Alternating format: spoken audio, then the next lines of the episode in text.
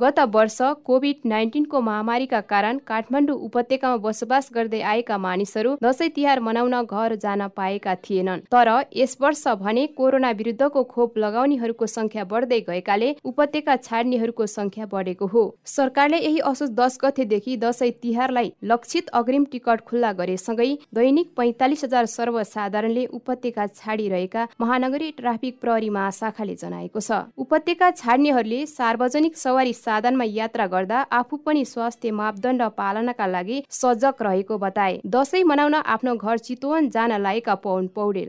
मेरो सँगै रुममा बस्ने भाइलाई चाहिँ अब जस उसलाई चाहिँ गाह्रो परेर उसले गाडी पाएन जस घर जानलाई। अब घर जाँदा खुसी त लागिरहेछ। अब त्यो पनि अब सामाजिक दूरी अब आफूले सकेसम्म काम गरेर अब जसरी हुन्छ अब बस्न कोसिस गर्ने हो। अब सेनिटाइजर प्रयोग गरेर मास्क प्रयोग गरेर। अब त्यो त्यति गर्दा गर्दै पनि अब लाग्यो भने त केही भन्न सकिएन। भ्याक्सिनहरू चाहिँ लगाइसकेको छौँ। सबैजनाले अब हामी हाम्रो कलेजबाट नै जाँदैछौँ। सात आठजना नै छौँ। सबै भ्याक्सिन लगाएर हिँडिरहेछौँ। ठुलो संख्यामा मानिसहरू बाहिरिँदै गर्दा अझै पनि केहीले भने टिकट नपाउँदा अन्यलमा छन्। बुटोल जान कलङ्कीमा बस कुरिरहनु भएका अर्का यात्रु सुभाष सुनारले दसैँ मनाउन घर जान पाउँदा अत्यन्तै खुसी लागेको बताउनुभयो। तर कोरोना महामारी कायमै रहेकाले सार्वजनिक यातायातमा सामाजिक दूरीको मापदण्ड पालना नहुँदा घर पुग्ने बेलासम्म संक्रमित हुने हो कि भन्ने डर लागिरहेको बताउनुभयो। अलि मान्छेहरू चाहिँ अलि केयरलेस भइरहेछ कोरोनाको टाइममा। अलि त्यो पहिलाको जस्तै डिस्टेन्स मेन डिस्टेन्स मेन गर्यो भने चाहिँ होइन? सजिलो हुन्थ्यो मान्छेलाई होइन? अब रोग भने त मान्छे पो आफ्नो हो त आफ्नो आफ्नो थियो। रोग त आफ्नो होइन नि त होइन? भोलि लाग्यो भने आफैलाई गाह्रो हो होइन?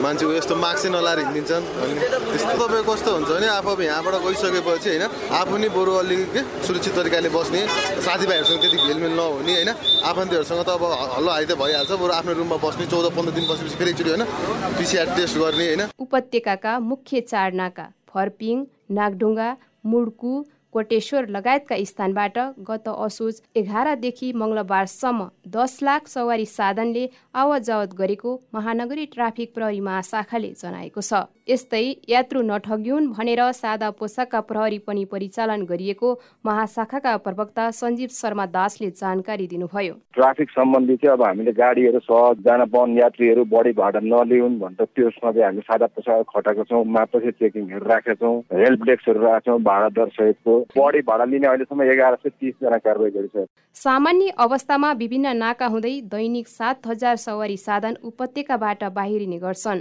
तर दसैँ सुरु भएपछि भने यो संख्या वात्तै बढेको महाशाखाले जनाएको छ। यता उपत्यकामा सहज र व्यवस्थित रूपमा सवारी आवागमन सञ्चालन गर्न दैनिक पन्ध्र सय जना ट्राफिक प्रहरी खटाएको छ। चाडबाड मनाउन लाखौंको संख्यामा मानिसहरू बाहिरिन थालेसँगै काठमाडौँका मुख्य बजार तथा सडक भने सुनसान बन्दै गएका छन्। रेडियो क्यान्डिडका लागि कविता कार्की।